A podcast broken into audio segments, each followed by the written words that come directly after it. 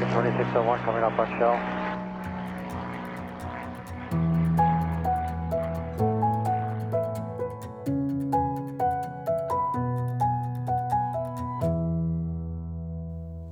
Hej og velkommen til Skyhooked, Danmarks første faldskærmspodcast.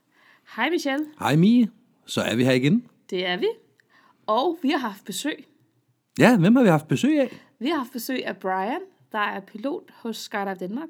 Mm. Det er sådan, at øh, Peter Svalø, som er, hvad er han, manager, direktør, CEO for Dropson Danmark, Daglig leder og chefinstruktøren. Og, og opvasker og pakker. ja, sandsynligvis også, Ja. det, ja. Øhm, han rakte ud til os og spurgte, om vi havde lyst til at interviewe en af deres piloter. ja. Og øh, hverken du eller jeg, Michelle, øh, kendte Brian. Vi har aldrig mødt ham. Aldrig mødt ham. Nej. Det er lidt usædvanligt, fordi vi kender de fleste i sporten. Mm. Men her der blev spurgt af Svale, jamen øh, vi ikke interviewe ham Brian her, fordi han har faktisk nogle ret spændende historier. Mm. Og vi sagde, det kan vi da godt. Ja. Og så kom øh, Svale forbi øh, øh, udkanten af København en dag, satte øh, Brian af og kørte igen. Ja. Og så stod vi der med en pilot, vi aldrig havde mødt før. ja, og fordi vi har jo haft gæster i øh, studiet før, hvor vi har, øh, hvor vi har interviewet, mm. efter vi fik studie. Ja. Men vi har ikke haft nogen på besøg nede i studiet og optage. Åh, det er vi har optaget i, øh, i Algarve for et par afsnit siden. Ja. Men vi har faktisk ikke... Øh, det, han var den første. Han var den første, ja. Er det så ham eller os, der Det skulle er ham, øl? det er ham der skulle øl. Det var ham, der var den første. Vi havde jo været her før. Det er rigtigt. Ja, han var med nede i studiet mm. og øh, blev interviewet.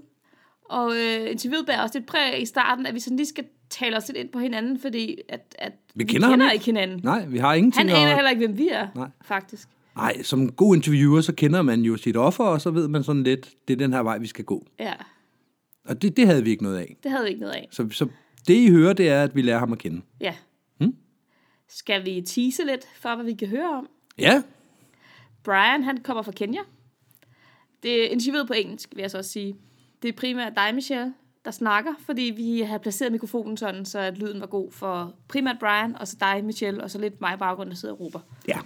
Så jeg, rigtigt. jeg pipper lidt af til, men ellers, jeg er med, men jeg siger ikke så meget. Mm. Brian, han fortæller om, hvordan han øh, startede med at flyve. Man kan høre om hans passion for det her med at flyve. ja det er jo et livs, øh, en livsopgave, han har påtaget sig, Ja, siden han var der dreng nærmest. Ikke? Ja.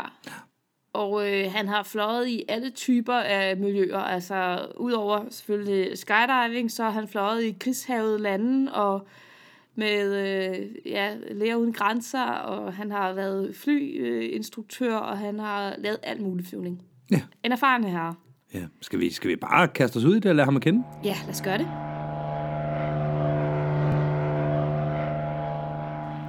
Hi Brian, welcome to Skyhooked. Hi. So tell me, you are the pilot at Dropzone Denmark. Yes, I am. How long have you been there? I've been there since uh, March 2018. Okay, so mm, a year now. Yeah, a whole season. Okay. Yeah. How did you get in contact with that? Did you have a pilot rating in the first place, or Yeah, uh, I'm come from Kenya and I've been flying in uh, Kenya before I moved to Denmark. so were you a diver driver in Kenya? No, um, in in Kenya, um, I'll just give you a history of my flying. Yeah.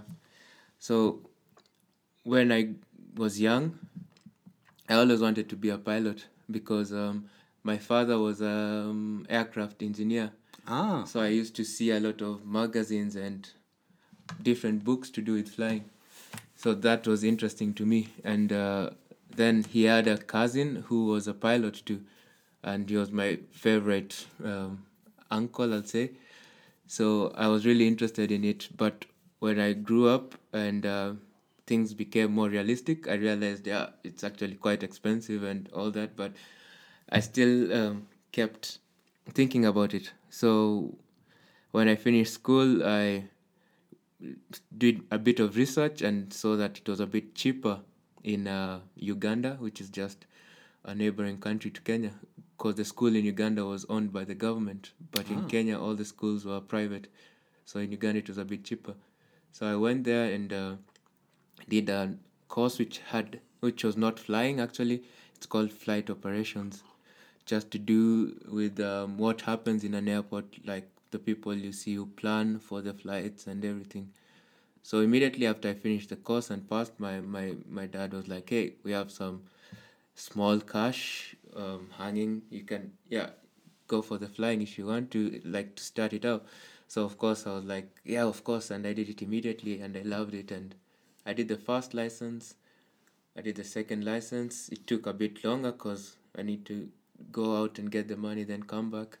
But eventually I finished, then uh, moved back to Kenya, where I had made contact during my training, made friends and all that. So when I moved back to Kenya, one of my friends was working in a flight school.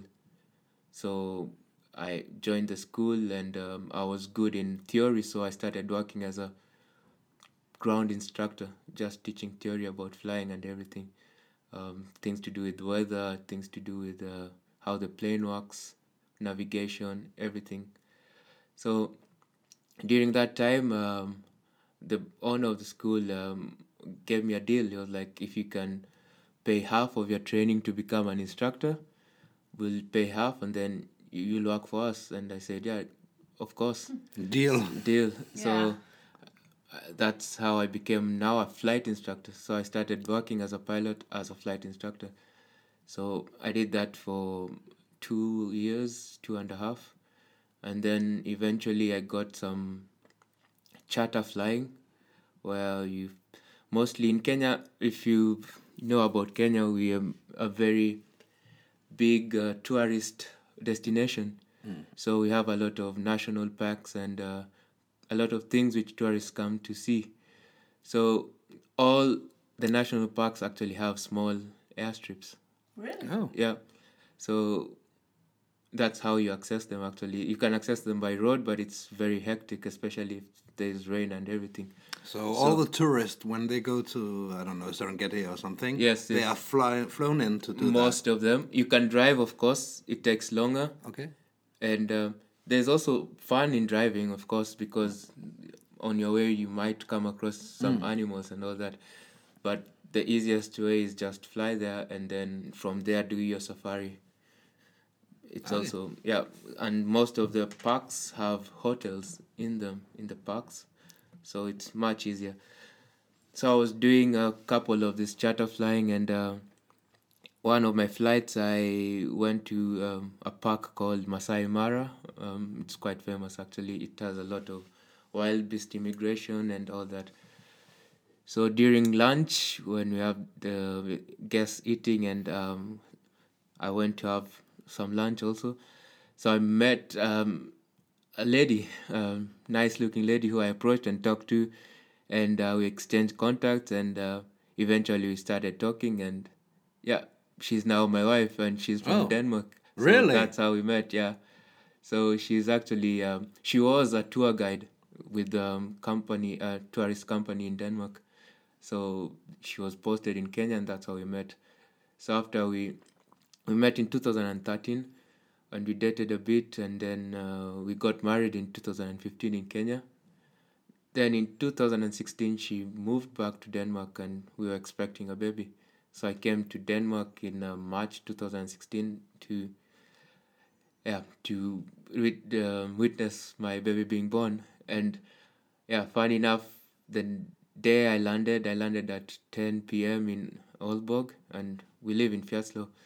so drove to Fjerslo in the morning then she gave birth Okay. Oh. Good timing. good timing so yeah i stayed in denmark for about two and a half months and moved back to kenya and, Because uh, of uh, strict rules from our government, or no you I, had job down when i came here i was just coming to Okay, just to visit. to yeah, see my baby uh, basically and visit and meet my wife's family since I'd never met them.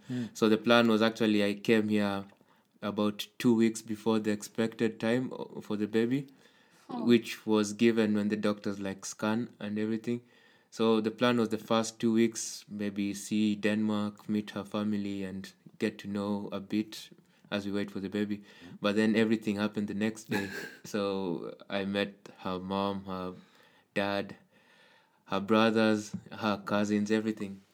So it was quite overwhelming for me because also the weather was really uh, strange. Danish. Yeah, because it's actually around March it's quite hot in Kenya. It's uh, it's really hot. Southern Hemisphere. Yes, exactly. So um, I had to adapt to the weather and then to the people and everything. So it was quite interesting anyway. And then after the two months, uh, we decided, um, yeah, um, try and maybe move to Denmark and uh, be with them. So I went to back to Kenya and um, just finalized everything and uh, sold my things and all that. Then um, in August, I moved now back to Denmark permanently, 2016 August. And before that, before I left Denmark, actually, I had already been talking to flight schools and trying to see how I can convert my license and things to do with work and everything. So by the time I came back in August, I had already picked a school in Aarhus. So I had a plan already. So immediately I came, um, I started studying, and I couldn't, of course, drive every day from Aarhus, Friaslo to Aarhus and back. So I was doing home study. So mm, all my flying, I did it from home. All my flying um, theory, I did it from home um, between, uh, um, I say, November 2016 to April 2017. But did you did study something else than than What ratings and No, it was just uh, basically theory because when you come with a license from another country, you have to convert it. yes. It's only Europe which has like a common license. You don't convert. But if you have, for example, an American license come to um, Europe, you'll have to convert it. It's almost the same thing as skydiving. You have a license for a specific region. But it's good with the EU that now you have a common license. So I had to change my license from what we call an ICAO, Yeah. International Civil Aviation Organization, which governs aviation all over the world. So I changed it to a Danish license, uh, but you had to do like a whole, um, almost almost a whole new training uh, with the theory. To But- do the conversion. Yes, but when I left Kenya, what I had was a commercial pilot license. So it was good that to, to work commercially in, in Denmark, you need a airline transport pilot license, which I didn't have, and I was planning to do it in Kenya. So eventually, uh, it's something I will have to have done even in Kenya. So I did it here, so it was just worked perfect. It was like a transition. So it wasn't like I had to do something that I had done before. It was it wasn't really converting, but just like an upgrade. Okay. Yeah, so I did it and uh, passed the tests. It was one of the craziest um, four or five months of my life because there was no no time for anything. It's just reading from the morning, evening, every day, because it it's so much material and and then I just wanted to, d- to finish it as, as fast as possible. It sounds really expensive. Uh, normally, when people in Denmark, the Go people I know, will start uh, on a license. Yeah, yeah, They it's- do it's the radio expensive. module in wintertime. Yes, they do some fly, flying hours in the summertime, etc. And they spread it out on a, over a long period of time. yeah. And then they start with a private uh, license and then build on to the PABL Yeah. uh, and everything. It's true, but the thing is uh, with flying, what is mostly expensive is the flying, not the theory. The theory, of course, it's expensive, but it takes maybe ten percent of the whole flying fees, and uh, ninety percent of what I had to do was theory. Okay. So it was still expensive, but not so expensive. Okay. To get a normal commercial license will take you about one hundred and ninety-five flying hours, but I only had to do a minimum of fifteen Because you have the hours because I had. I have already been flying and I had a commercial license. So after this, I did the flying. That was also fun and I enjoyed it so much. Everything with Denmark is so organized and time is well planned. So it's it was a really nice thing for me. And the school was amazing and uh, yeah, the teachers were supportive. Everything was go- went as planned actually. So when I finished, I talked to one of the owners of the school about um, working in Denmark and all that. And uh, he was honest with me. He told me uh, to get a job easily in Denmark, if, for example, in an airline, you'll have to have a type rating, which is, uh, of course, like be rated to fly uh, whatever plane you want to fly. Let's say if it's a Boeing or it's an Airbus, any specific plane. Yeah, we don't use caravans for people yes, carrying here. exactly. so um, yeah, I, he knew that I'd been flying a caravan before in Kenya because after after my my my work as a flight instructor, actually I forgot to mention this. I worked also on the caravan. I flew the caravan a bit in um, South Sudan for um, Doctors Without Borders. Uh, Okay. yeah, and then I flew also a bit in Somali, but I was flying as a co-pilot. So since he knew I'd been flying a caravan, he asked me if I would be interested in uh, skydiving jobs because some of the clubs and uh, drop zones sometimes ask ask him if he has a pilot who can do it. So he told me, yeah, if it's an option, I'll consider. Then um, he'll talk to someone. Maybe they'll need one. So he gave me a contact, which is uh, the owner of the Cessna Caravan we fly at the drop zone. I sent in an email and I told him um, my name and everything. I told him about me. And yeah, he replied and told me, yeah, unfortunately, we have no pilot. We have pilots now, and yeah, we don't need one. But in case something comes up, we'll let you know. So I was like, fine, and um, I appreciate. So of course, everything is patience and progress. So after a few, actually after just two months, because I finished in uh, August and then uh, around November, he emailed me and he was like, "Hey Brian, some good news. Um, they might be looking for a pilot at Dropzone Denmark. Is it something you are interested in?" I was like, "Yeah, of course. I I like to fly. Um, I'd like to do it. I'd like to try it out." So I was like, "Okay," and he put me in contact with the owners of the drop zone. So I went to uh, uh, drop zone. They called me for an interview. It wasn't really an interview. It was like conversation, just to know me and all that. It wasn't formal, like a suit and tie. No, and, they just wanted to know if Yeah, you could uh, yeah, could the- work with skydivers. Yes, exactly. Yeah. So you've never flied with flown with skydivers before? No, I'd never flown with skydivers before. I'd never. I had an idea of what it is. Um, some of my friends, is actually one of my best friends, uh, who's a pilot, he did some skydiving flying for Skydive Diani, if you've heard about it in Yeah. Kenya. Yeah, and some of my pilot friends also have flown there actually, but um, it's not something we've uh, talked about so much. And he also did it as a the plane he was flying was chartered was like hired for a few months. It was a boogie and that's why he did it. It wasn't like it was his plan to do it. And told me it was interesting. So uh, to be honest with uh, denmark i was open for any job so i was like anything which comes up i'll, I'll take it. So and it was a caravan and uh, when i flew the caravan i loved it from the first day. I just enjoyed it so much. So i was so excited that i'm going to fly the caravan. I didn't care what i'll be doing. I just wanted to fly the caravan. So in the meeting we talked and uh, they told me about the drop zone and what kind of operation it is and everything they showed me around. And i liked it from yeah from the word go because the the setup the atmosphere it's so relaxed and uh, the bosses were not like bosses really they were like friends. The conversation was very warm and calm so i i was very open to it. I liked it. So um, after the interview, um, they were like, "Yeah, I think we can use you. So we'll set you up with a flight instructor, and um, you'll train for the caravan." So although I'd flown the caravan in Kenya, I needed to do a new rating. Type rating Yeah, for for caravan. the in caravan here, and the drop zone paid for it. So I did the training, and my instructor was also really nice, excellent.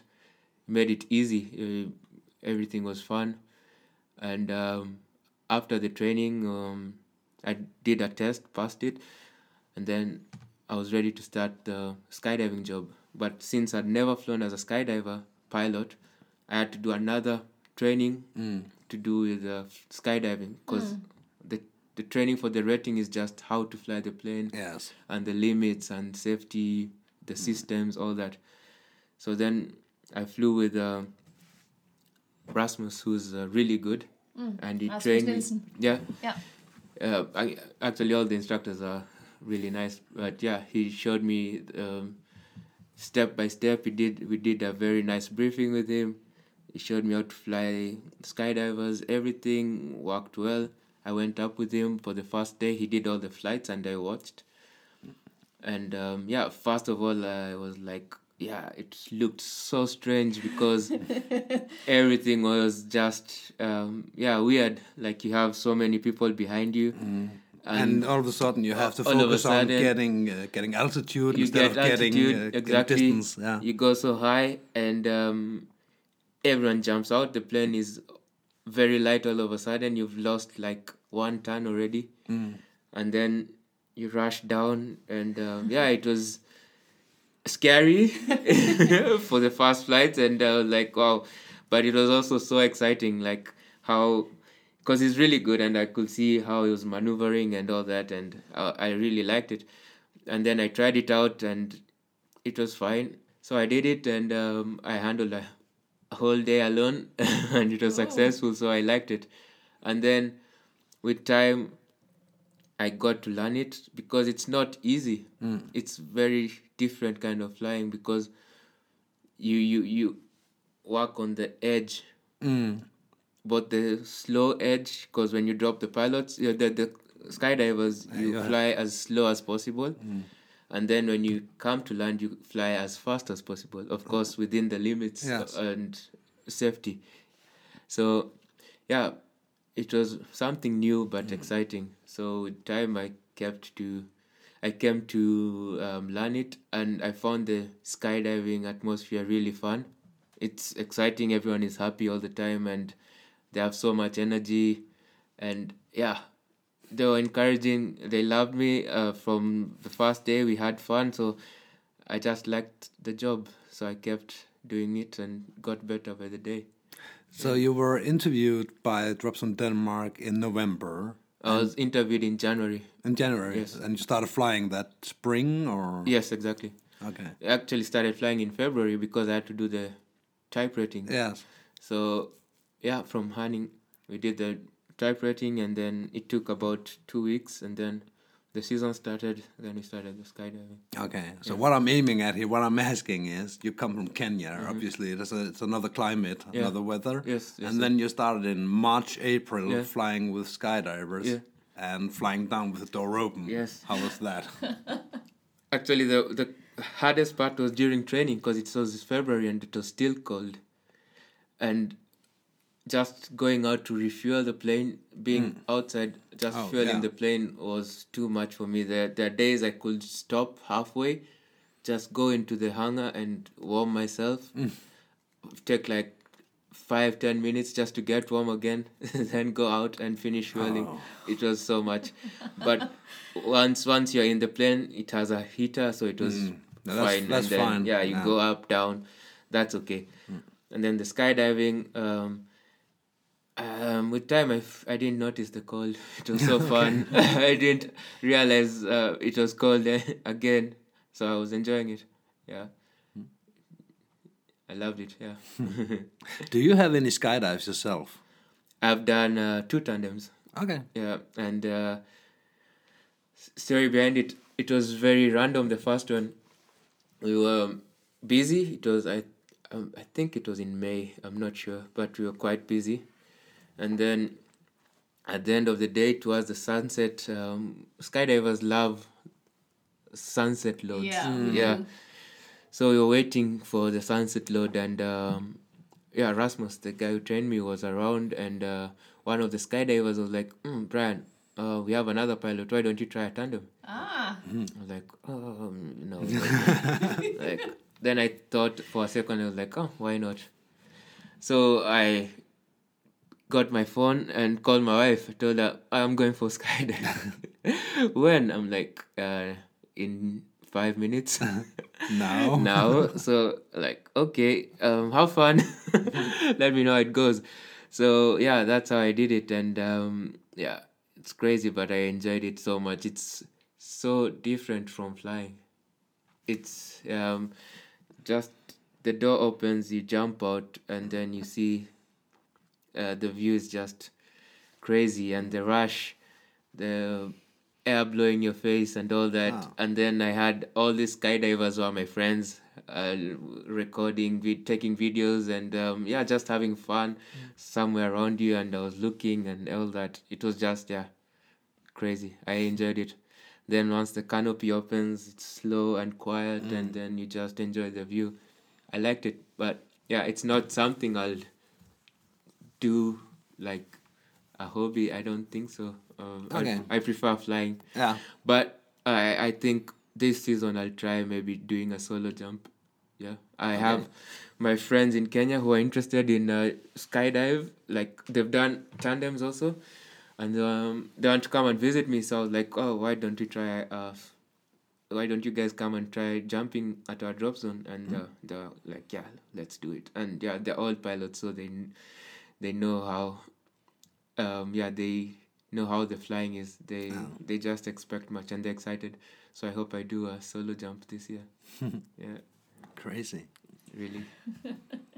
but So uh, Peter told us that uh, we should ask you about the time you got arrested. Yeah. Oh, yeah. I, I've um, like I told you, I've flown in um, South Sudan and uh, and uh, Somali. So um, the S- Sudan flying was um, totally different uh, kind of flying because we're flying for in a war zone. So there are so many rebels and um, it's not safe. And uh, we w- I was flying doctors basically. Um, but just before I flew the doctors, I was working for um, a company which was doing um, like charters, but in Sudan. So I was just doing it for free, actually, just to gain experience and yeah, Get the hours. get the hours on the caravan. So we had um, someone charter the flight for money to be delivered to a UN base somewhere far from the city where we were based. So we we had to take it was about I think uh, if I convert it it should be about um, half a million krona. Yeah, it's money for the workers, the UN workers. There are no banks operating or anything, so mostly they get the cash. You- you so just- there's just cash in, in cargo aircraft. Yes, so we carry the cash. Yeah, so we we flew to this place, and most all the UN places are secure and they are neutral. They are not pro government or pro rebel or yeah, they're just They're neutral. sovereign. They, they're just there to serve the people who who need the help. So we go there and land. So this guy who has the money contacts someone who comes to pick the cash.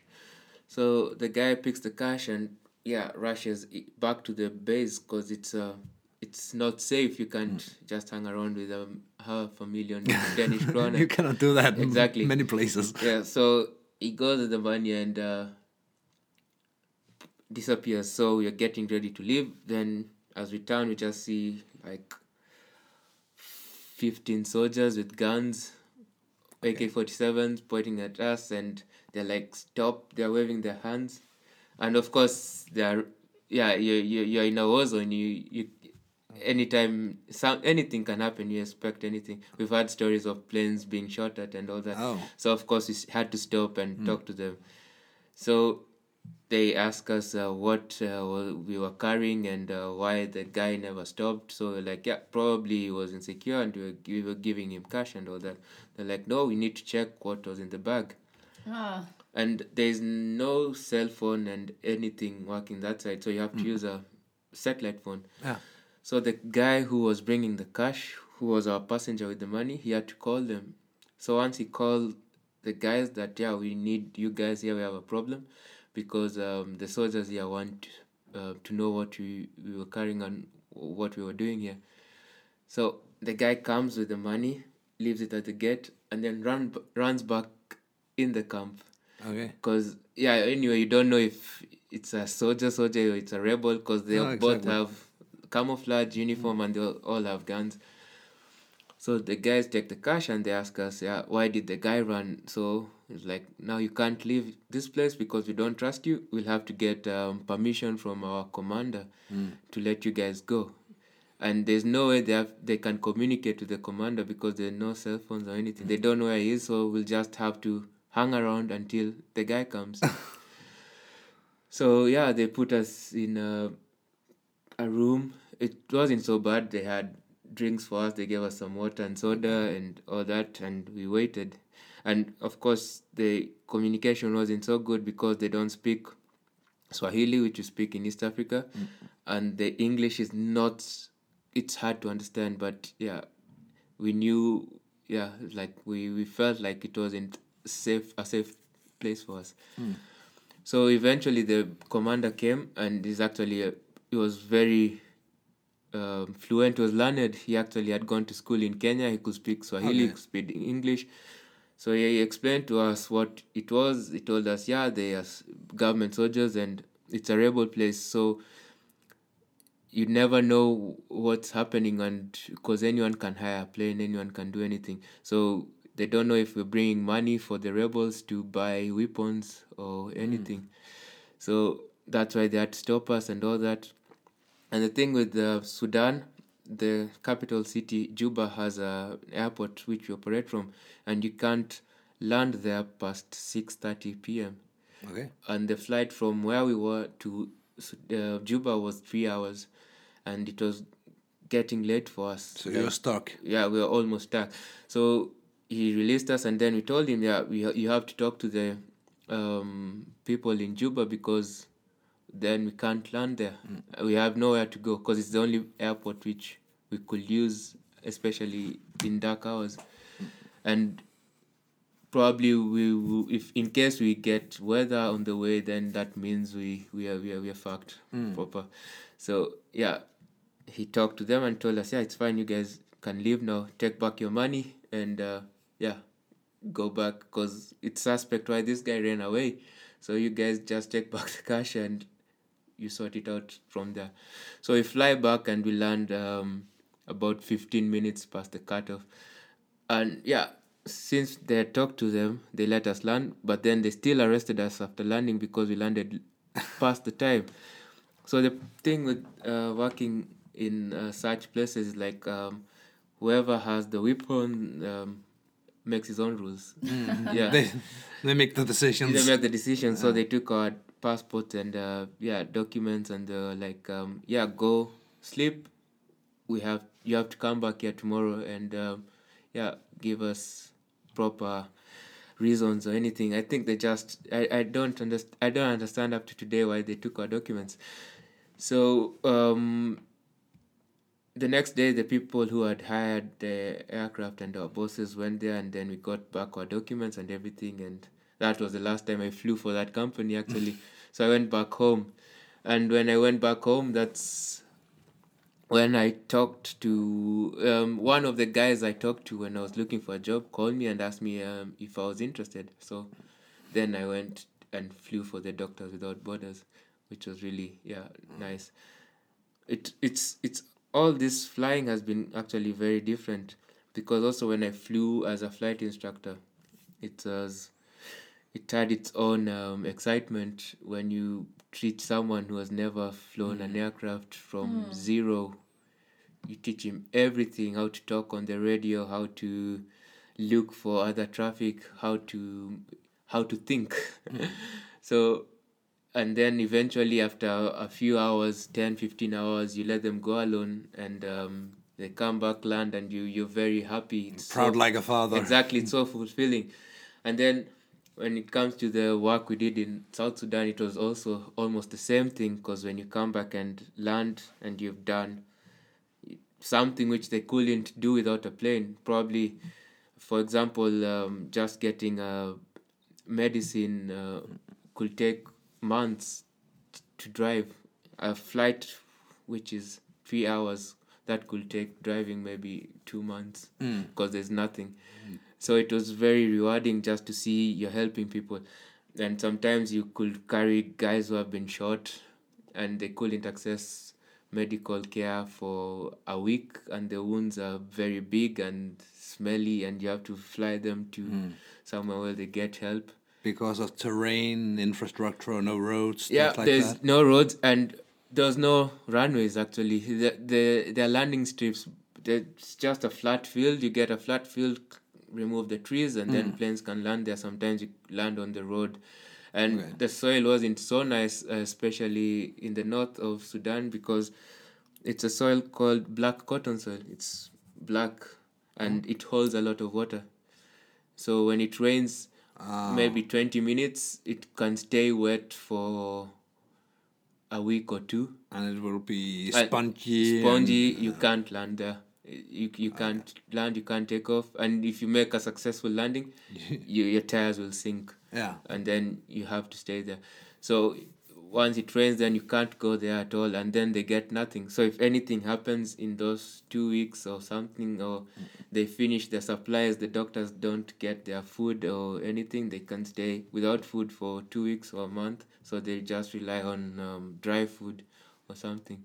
So it was very rewarding and fulfilling when you do that job and Mm, You get out there and you're perceived as a yeah, hero. Exactly, and uh, they're fighting, they're rebels, but wherever you land, you land on the good side, you land on the bad side. They always appreciate. Santa's coming. Yeah, help is coming. So that's nice. That was very rewarding. And then now, when it comes to skydiving, then you the of course it's not like you're helping anyone, but it's rewarding in in in terms of um, you enjoy uh, what you're doing. It's you you you are free with the plane and um, so much excitement in the skydivers. Just it's just awesome, and it's challenging, especially with uh, changing winds and yeah clouds and everything, picking a spot all the time.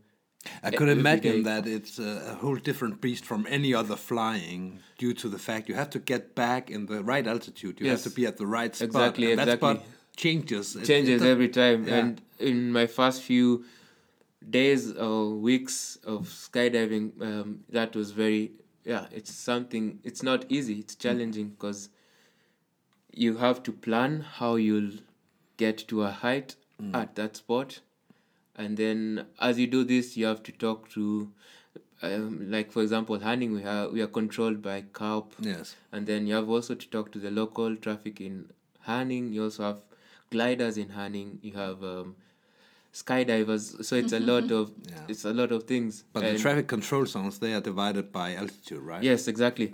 And um, up to one thousand five hundred feet, it's um, local. So just Herning just Flugplatz. Herning, and then above that it's Karup. Okay. Yeah. So and then you have to coordinate with everyone and Mm. keep your eyes open. As you do this, you have to think, what's the plane doing? Where am I Mm. dropping these guys? What speed do I want? Where do I want to drop them?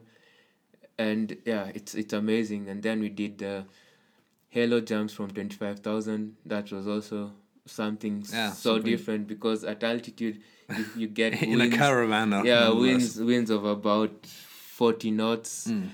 and just a few thousand feet below you have um, the wind has changed to a tailwind of about um, Mm. another 15 knots so the planning is really So yeah, you have inversion layers and everything, and you have no idea about it before exactly you go up there. so the good thing is also you have a nice ground guy who we plan with we talk to Mm. and he's so experienced and you have most of the time the sport works i'll say Mm. 90% it's it's not a problem it So you have some sectors you want to be in at all altitudes. yes way, exactly yeah. and then you have to also think about the noise because the neighbors complain Mm. and all that Yeah. so you have to plan for that and Yeah, you have some corridors you need to use, and some corridors are better than others. yes exactly Yeah. so it's amazing I, I like it it's a fun fun job yeah So I want to ask you: nearly all pilots that drive, that uh, diver drivers, have some trick up their sleeve. Be it that they can uh, fly below stall warning, or they can do a zero gravity exit or something. Do you have anything like that? Um, everything I do is within limits. of course, so, of course. So I, I'll say, Clever answer. yeah.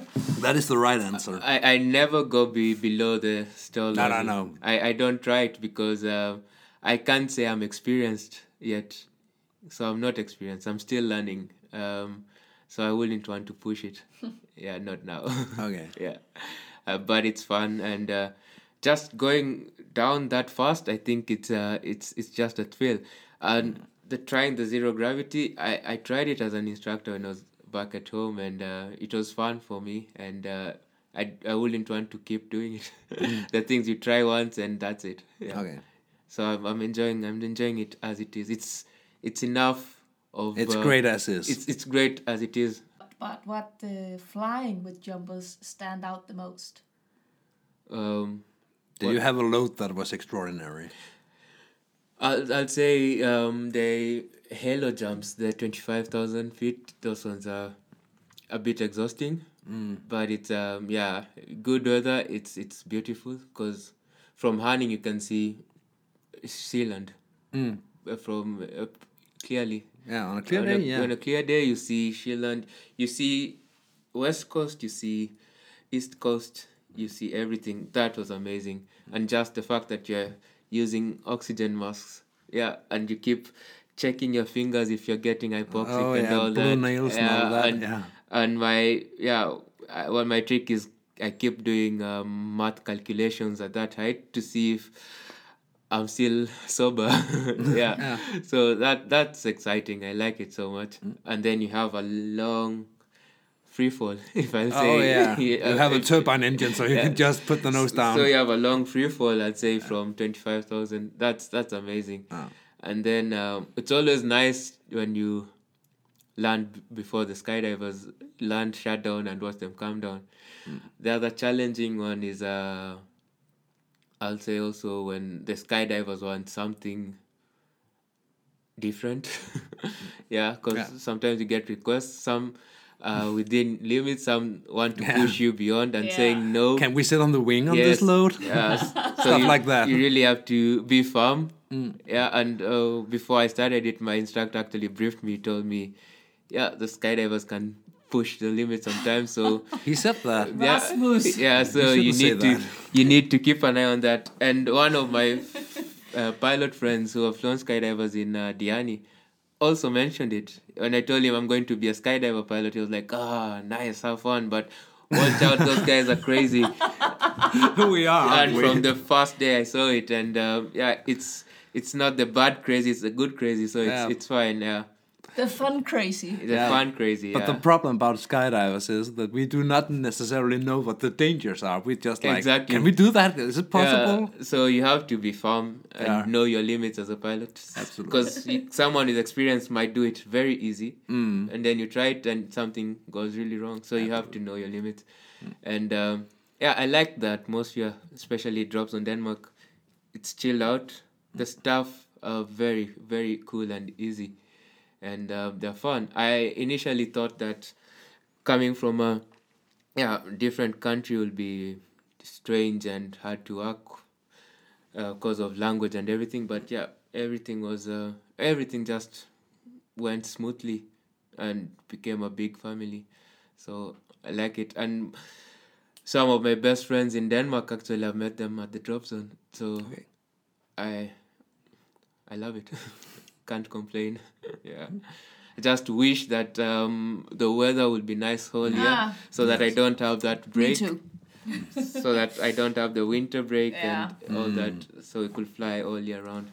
Yeah. That will be good. All skydivers feel exactly the same way. Yeah, Yeah. because now the skydivers get to go to another sunny place, yeah, yeah, we just travel. and they send you photos, and they're like, "Oh, Ah. can't wait for the new season," but you're just at home waiting. yeah. But yeah, I I like it. So in Dropzone Denmark, you actually have a season. So Yes. you have no flying throughout the winter months. Or? Yeah, we don't have no any flying because uh, of the weather. So when the season starts, you have to do some recurrency uh, flying. Yeah. Um, the the for example the caravan, since it's just a single engine, uh, single pilot aircraft, you have to do the currency every two years. Yeah, but it's um it's not something that really you really forget much. Plus, I did some flying in winter, but it's so separated. But yeah. But it's not like if you don't fly for six months, you will have to uh, to do some recurrency. No, it's not by law, but we we do it for Yeah, of course. safety. Yeah, Yeah, okay. um, But law you're not requires, required. Yeah, law requires two years, but yeah, this is uh because it's not so complex. It's not a very complex aircraft. Mm. Yeah, so but we do it, it at the drop zone. We do our recurrency frequently. Yeah. Okay. Yeah. So, but That is because of the type rating for the caravan. If you have a multi-engine, multi-pilot, then something. Yeah, then you have to do it every six months. Okay. Yeah. I only have one question left. Yeah. I you- have a question too. Yeah, Nice. You, Yeah. you can go first. So, so your it, it sounds like your life is in Denmark now. You have a wife, you have a child, you have a job, yeah. but I can sense that you like challenge. So, what's Yeah, I do. I yeah, good question actually. I want to keep flying, of course. So I I I I'll, um um if I get something else which I can do the whole year, Yeah. that would be nice. Like I said, if if I could fly skydivers every every month, that would be awesome. But then with that break then I, I lose touch also so um if if I can if I can get another job which can allow me to still fly skydivers Ah. I can do that but not this season this season then I'm fully committed to skydiving again I want to do it again so maybe in future uh, if I join an airline I'll still want to do some skydiving because I'll say an airline is one of the things I wanted to do as a pilot but I haven't yet done it. So it's something I love to do later. Yeah. Like Rasmus is doing. Yeah, exactly. And I like to do the skydiving bit on the side, like just to have the feeling of that it's a different freedom, I'll say. Yeah. So steady income from your piloting work, and And then then- have fun on the weekends. exactly. Yeah. Yeah. yeah, it's a whole other way of flying, right? It, it is. Because, It yeah, is. You have to go up and Yeah, it's actually flying. This is uh, I'd say this Yeah, the real flying flying. with uh, everyone who has done like um airline flying. They because of this yeah the type the nature of flying you have passengers and all that and safety is very high. The machines are very expensive and uh, Yeah. yeah everything is very set. So you basically fly most of it on autopilot. yeah, Yeah. Yeah. So they actually get bored. It's a Yeah. it's a nice job. Of course, you fly to different destinations and all that, which is something I like to see, and also just fly a jet. But yeah, all of them tell me that yeah, it gets to a point you get bored and you want something else to just yeah, keep touch with the exciting flying. yeah. Yeah, to stay motivated. yeah, exactly. Yeah. So one last thing: if we come to Dropzone Denmark this year, and you are the pilot, Mm-hmm. will we get extra altitude? Sometimes you get extra altitude because of uh, delay. That is for politician, politics answer. Yes. Okay. You get delays. Karup can tell you you have to drop maybe after two minutes. and that is, of course, what we would tell Peter Svalø when we come down from our five kilometers. He won't hear this. Yeah. No. No one will know about it. But I told you skydivers have uh, requests all the time. exactly. What's in it for me mentality.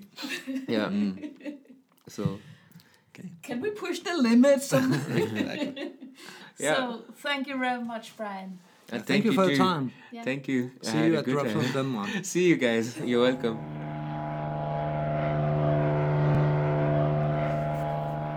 Det var så Brian og Tieno. Otieno? Ja. Undskyld, Brian. Jeg virkelig lige ved, hvordan man udtaler dit efternavn. Det er super, han, øh, at du siger det på dansk. Han forstod faktisk godt dansk. Ja, det gør han. Vi talte faktisk dansk med ham efter interviewet. jo. Ja, ja. ja. Men selvfølgelig så skulle øh, interviewet ikke foregå på dansk. Det vil sætte for mange forhindringer op for ham, tænker jeg. Mm, enig. Jeg synes, at det var super interessant at høre, hvad øh, piloter egentlig gør for at få flyvetimer. Ja. Og hvor lidt de er villige til at gøre for at tilfredsstille mig og mine krav. Ja, din stakkel da. Ja, det synes jeg. Er der så ingen, der tænker på dig i det her? Åbenbart ikke. Nej. Ja.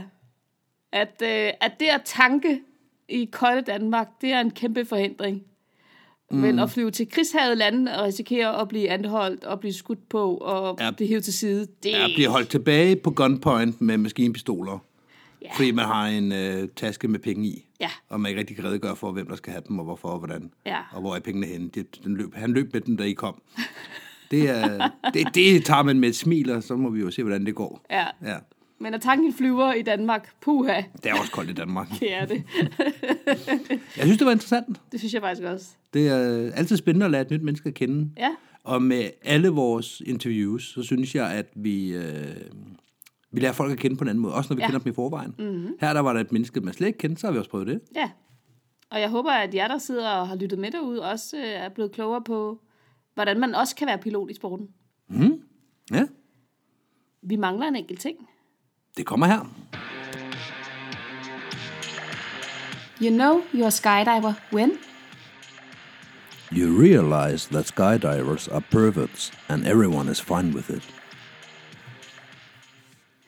Det er der jo lidt sandhed i. Det er der. Det er sådan socialt vedtaget, at det er faktisk okay at kigge på hesteporno. Jeg Øh, Den, tænker den ikke, står for egen regn, den der. det er faktisk ikke mig, der kigger på hesteporno. Jeg plejer at sætte det på. Ja. Der er andre, der har kørt hele siden igennem. Det var ikke mig. Åh, oh, Gud. Mm. Skal vi ikke bare se at få sluttet det her? Jo, lad os da se at få stoppet, inden vi hænger, hænger nogen ud. Hej hej! Hej.